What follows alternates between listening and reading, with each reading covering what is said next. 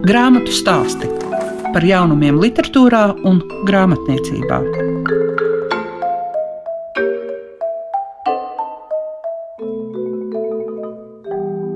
Prieku jums saku, ka ir klātkārtējie grāmatu stāsti. Kopā ar jums esmu Eslīga Piešiņa, un šodien mēs pievērsīsimies gan Eliota dzīslas izlasēji, gan Gundagas Šmites grieķu svītai, gan pavisam nedaudz arī Lēlo Tungalas triloģijai Biedrs bērns. Bet sāksim ar T.S. Eliotu. Jau gandrīz 20 gadus gan Ieva Lešinska, gan arī Kārlis Vērdiņš ir domājuši par to, ka beidzot taču latviski jāiznāk Eliota dzējas izlasē. Dažādi ir bijuši iemesli, kāpēc tas nav noticis jau senāk, bet tagad uzrādot trīs atzījotājus - Kārli Vērdiņu, Ievu Lešīnsku un Vizmu Belševicu. Un šobrīd, pateicoties apgādam Neputns, mums ir iespēja lasīt Eliota veikumu. Viņš ir viens no ievērojamākajiem 20. gadsimta dziniekiem. 1948. gadā kļuvis arī par Nobela prēmijas laureātu, un tomēr visvairāk mēs viņu uzskatām par angļu amerikāņu modernisma pamatlicēju. Viņš ir rakstījis esejas, bijis redaktors, dramaturgs, un viņa darbi ietekmējuši un turpina ietekmēt gan literatūru, gan tēlotāju mākslu, gan kino un arī populāro kultūru. Klausieties grāmatu stāstos sarunu ar atzījotāju Ievu Lešīnsku. Grāmatu stāsti programmā Klasika. Kāpēc Eliotu šodien vajag lasīt? Atkal jāsaka, ka, protams, vajadzēja lasīt jau sen, bet kāpēc lasīt tagad? Nu, tāpēc vienkārši, lai saprastu, no kurienes nāk postmodernisms, jo pirms postmodernisma ir modernisms.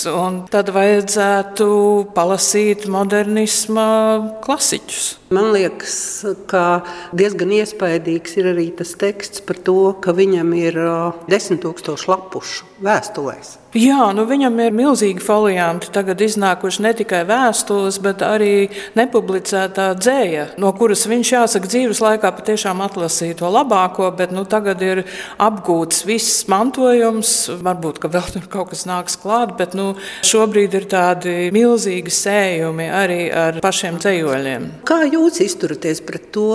ka tiešām ģimene un šī otrā sieva ir vēlējusies neizrādīt visu to, ko viņš pats nav uzskatījis par gana vērtīgu. Nu, tas ir kā vienmēr tāds koks ar diviem galiem. No vienas puses, gribas uh, respektēt to, ko pats autors ir vēlējies. Eliots nevēlējās ne biogrāfiju, ne lai tiktu publicētas viņa vēstules, ne arī viņa tādi panti, kas ir, nu, sauksim viņus par tādiem draiskiem pantiem. Bet, nu, no otras puses, Protams, ka paiet zināms laiks, un tu uz to visu skaties mazliet savādāk. Un, lai tu gūtu priekšstatu par šo cilvēku kopumā, nu, tad tas noder. Un nezinu, vai tas īpaši kaitē viņa reputācijai. Vienkārši padara viņu cilvēcīgāku, varbūt. Tā ir arī par latviešu rakstniekiem. Tad, kad sāk viņi stāstīt par saviem hobijiem, tad viņi šķiet daudz cilvēciskāki.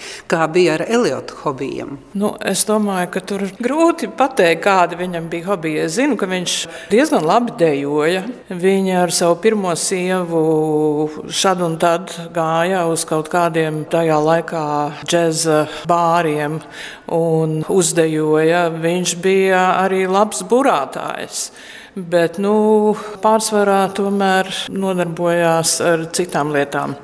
Bet ne tikai ar dzīslu rakstīšanu, bet arī ar eh, esejām. Viņš arī eh, pasniedza Harvardu Universitātē vienu brīdi un lasīja lekcijas kā viesprofesors. Viņam bija grāts filozofijā. Tā kā nevienmēr tā bija tīrā literatūra, bet viņš arī ilgus gadus strādāja bankā. Mēs ļoti šobrīd tā sāpīgi arī uztveram to, kā tiek runāts latviešu valodā, cik daudz mūsu valstī iesaistās citu valodu ietekme un citu valodu pielietošana. Un arī Eliotam taču bija ļoti tāda nu, noteikta stāja pret to, kā dzēniekam ir jāsadarbojas, jāstrādā ar valodu. Nu, protams, Eliotam šķita, ka tā valoda, kurā runā 19. gadsimta dzēnieki, ir novecojusi. Un viņš šo valodu gribēja modernizēt, iedvesmojoties no tā saucamajiem metafiziskajiem dzīsniekiem, kas ir 17. gadsimts. Viņš gāja atpakaļ, vienlaikus aizietams uz priekšu. Un otrs, viņš pārņēma, ieviesa dzējā tādu teiksim, sarunu valodu vairāk. Un tā tālāk, bet viņš arī izmantoja neskaitāmas citas valodas. Nīkajā zemē vien, teiksim, ir sešās valodās citāti. Protams, ka viņš rūpējās par valodu, bet varbūt citā nozīmē nekā mēs par savējo. Tur bija cita dinamika un cits konteksts. Jā, bet nu, valodas svarīgums. Protams, nu, katrs dzinieks vai arī, es gribētu teikt, atzējotājs, viņam, protams, kas viņam rūp, tā ir valoda. Bet vai bija grūti tulkot, tāpēc ka vajadzēja saprast gan to augsto valodu, kā tas jums izpaudās? Nu, tas ir brīžiem diezgan sarežģīti. Jo, teiksim, tad, kad Eliots raksta tā ļoti intelektuāli, tad latviešiem nav īsti tādas dzīslas tradīcijas. Tad tas sāk izklausīties kā sausi. Tad tu nevari arī vērsties pie 17. gadsimta latviešu valodā, tāpēc ka tad tas atkal iznāktu samocīti un teiksim, kaut kādu abstrakciju. Tad nemaz nebija pierakstītu. Protams, ka nākas palauzīt galvu un nākas meklēt pa visvisādiem avotiem. Un, uh, Jā, nu, nīkajai zemē man ir, es nezinu, kādi desmit varianti varbūt kopā pa šiem gadiem bijuši. À, tad tos varētu vispār tā atrādīt, cik tie atšķirīgi. Jā, to varētu. Jā. Bet Nīkā zeme 22. gadā jau svinēja savu simtgadi. Jā, tā bija. Ko lai tur saka? Nīko zemi šodien, protams, var lasīt arī pašreiz Ukrainā notiekošā kara kontekstā. Jo es domāju, ka manā apziņā gluži tāpat kā es domāju, neskaitām citu cilvēku apziņā. Viena veida pasaule ir atkal gājusi bojā, un ir viņa jārada no jauna. Un tāpēc, tad, kad tu lasi nīkajā zemē par salauzīto tēlu jūkli un par drupām, kas arī parādās teiksim, četros kvartetos, iezogas otrais pasaules karš, nu, tad katrā ziņā tie tēli, ko tu redzi ar tām savām iekšējām acīm, tu jau redzi tās ainas no Bučas un no Dņipro un, un tā tālāk. Vai jums ir kādas tādas citējamās rindas, kuras jūs nu, reizēm rakstot vai ēpastu vai kādu vēstuli draugiem izmantojat Eliotu? Es nezinu, es nevaru tā uzreiz iedomāties, bet nu, ir tādas frāzes, kuras visi zina. Piemēram, aprīlis ir nežēlīgākais no mēnešiem. Nu, to citēju gan angliski, gan arī es esmu ievērojusi latviešu. Tur ir vairākas tādas frāzes. Vai var, piemēram, kaut kā nojaust, saprast, kādus dzējoļus atzējot ir izvēlējusies Vizma Belševica un kāpēc? Ja tas ir vienkārši no tās izvēles, ko viņa iztulko? Es tiešām nezinu, kā viņa izvēlējās. Visticamāk, es domāju, ka viņai nebija īpaši tūs Eliods. Un es domāju, ka viņas pieeja ir varbūt drusku cita nekā man un Kārlim. Bet tas nenozīmē, ka tā nevar. Vienkārši viņas pelnu diena, man liekas, ir daudz tradicionālākā formā, vairāk atbilstoši pašai Vismai Belševicai nekā varbūt Eliotam. Tas ir, es negribu nodarīt viņai pāri nekādā ziņā, jo, jo tas atzījums ir ļoti labs, bet, bet vienkārši. Nu, laiki ja, ir mainījušies. Laiki ir mainījušies. Un, un droši vien, ka ja Kārlis vai es eh, būtu to darījuši, tad eh, tas būtu pavisam cits atzījums. Vai ir kaut kas no tulkojumiem, ko Kārlis ir atzījis, par ko jūs viņu apskaužat? Jā, tas būs labāks vārds apbrīnojot, nevis apskaužat. Es nezinu, droši vien par prūfroka dzējoli es priecājos. Tāpat arī kaķu dzējoļi viņam ir vienkārši brīnišķīgi. Nu, es nezinu, man vienkārši ir ļoti tūs tas veids, kā viņš to dara. Pie tam es pati esmu rediģējusi viņa dzējoļus, tā kā nu, man grūti tā, tā kā pa daļai jau tie ir arī mani bērni. Grāmatu stāsti tiem, kam grāmatu lasīšana ir vērtība. Gundagai Šmitei ir iznākušas grieķu svīta. Tie ir tādi īsi stāsti, bet Gundaga mēs jūs vairāk zinām pēc vārda kā komponisti. Kā tad jūs nonācāt līdz literatūrai? Nu, faktiski ir tā, ka kopš es sevi atceros, manas pirmās atmiņas kā bērnam un saistībā ar tādu radošo izpausmi ir tas, ka es esmu vienmēr kaut kā tiekusies izpausties vārdos, vai tie ir bijuši kaut kādi mazi dzējolīši vai tādi iespaidu fiksējumi vārdos. Tā kā faktiski es ar to sāku Un, um, sākot iet mūziķa un komponista ceļu, tagad atskatoties, es arī saprotu, ka vienmēr tomēr es arī caur mūziku esmu vēlējusies stāstīt stāstu. Un bieži arī manas skices sākās ar to, ka es piefiksēju kaut kādu iespaidu, ietērpju to vārdos, un tad es viņu tulkoju mūzikā. Tā kā, jā, Pirmkārt, es esmu zināma kā komponiste, bet jā, man šī muzikālā izpausme vienmēr ir ļoti bijusi savīta ar vārdiem un tādu kaut kādu kaut vai iekšēju naratīvu, ko varbūt es pat tā pēc tam publiski nepaužu, bet kas man ir ļoti svarīgi, lai taptu mūzika. Jāsaka tā, ka alfabēts ir uzvarējis septiņas notis. Nu, jā, gribētu teikt, ka tas tiešām iet tādā ļoti ciešā simbiozē, varētu tā teikt. Un kaut kādā ziņā, laikam, man arī ir tāda ļoti sinestētiska uztvere, ka bieži man arī ir tā, ka, ja es dzirdu mūziku, es vienkārši kaut kā redzu formas, līnijas, reliefus, un tur arī nāk kaut kāds arī stāsta, narratīva noformulējums, un, un jā, man tās mūzes visas kaut kā manā galvā dejo kopā. Vai apraksts par Grieķiju ir saistīts ar to, ka jūs arī jau vairāk kā desmit gadus dzīvojat Grieķijā. Nu tā varētu teikt, dzīvojat vai pa brīžam.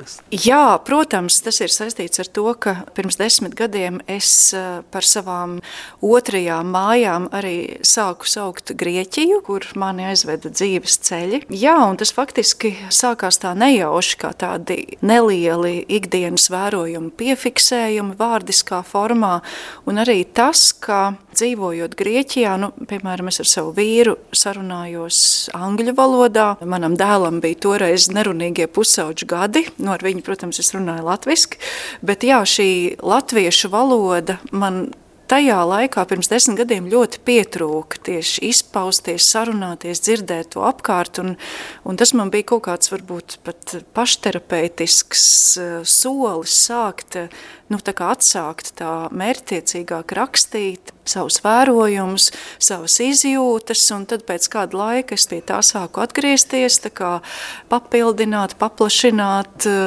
nu, tāpat kā mūzikā, kā komponists strādā ar motīvu, viņi paplašina līdz frāzei un tādai noslēgtākai muzikālai domai, tad līdzīgi bija arī ar šiem tekstiņiem. Un jā, kaut kādā brīdī es sajūtu, ka varbūt tas būtu pat kaut kas tāds, ko būtu interesanti arī piedāvāt lasītājam manus Grieķijas iespaidus, un tad es jau tā sāku mērķiecīgāk pie šiem stāstiņiem strādāt. Es tos izlasot arī domāju, ka īstenībā būtu interesanti arī Grieķiem izlasīt, ko par viņiem domājat, tā kā jāmeklē kādu, kurš var iztulkot. Jā, tā ir laba doma, tas tiešām būtu interesanti, vai pat veidot vēl vienu izdevumu, kas ir varbūt bilinguāls, un Jā. redzēt, kā šīs valodas kā pastāv viena otrai blakus. Vai jums nācās arī domāt, cik atšķirīgi ir latvieši un grieķi?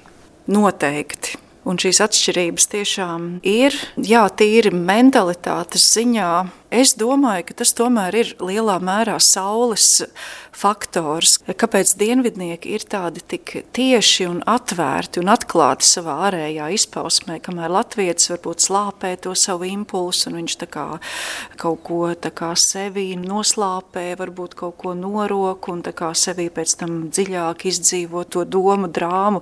Nē, grieķiem viss tā kā ir uz āru un gan prieks, gan dusmas, gan vilšanās un tā ir tāda vislabāk redzamā mentalitātes pazīme, bet arī Jā, tīri arī vērojot cilvēkus, pat ar kuriem es neesmu sarunājusies, viss veids, kā viņi iet, kā viņi kaut ko dara, tas ir arī tāda ļoti liela noteiktību, pašapziņu, staltu muguru, vienalga kādu darbu kāds dara, vai viņš tur pārdod zivis, vai viņš slauka ielu, tas kaut kā ir tā, liekas, kā tādu teatrālu pašcieņu, lepnumu, kamēr jā, varbūt latvietis kā tiešām varbūt sevī iekšā, nezinu, ko viņš pārdzīvo, bet, nu jā, ir kaut kā tāda sajūta, ka tev ir pienākums, ka tev ir jādara, un varbūt, jā, tas tiek pat veikts ar visdažādākajām sajūtām, bet jā, Grieķiem tiešām šis te lepnums, milzīgā pašcieņa un šī ekstravertā izpausme, tas atšķirās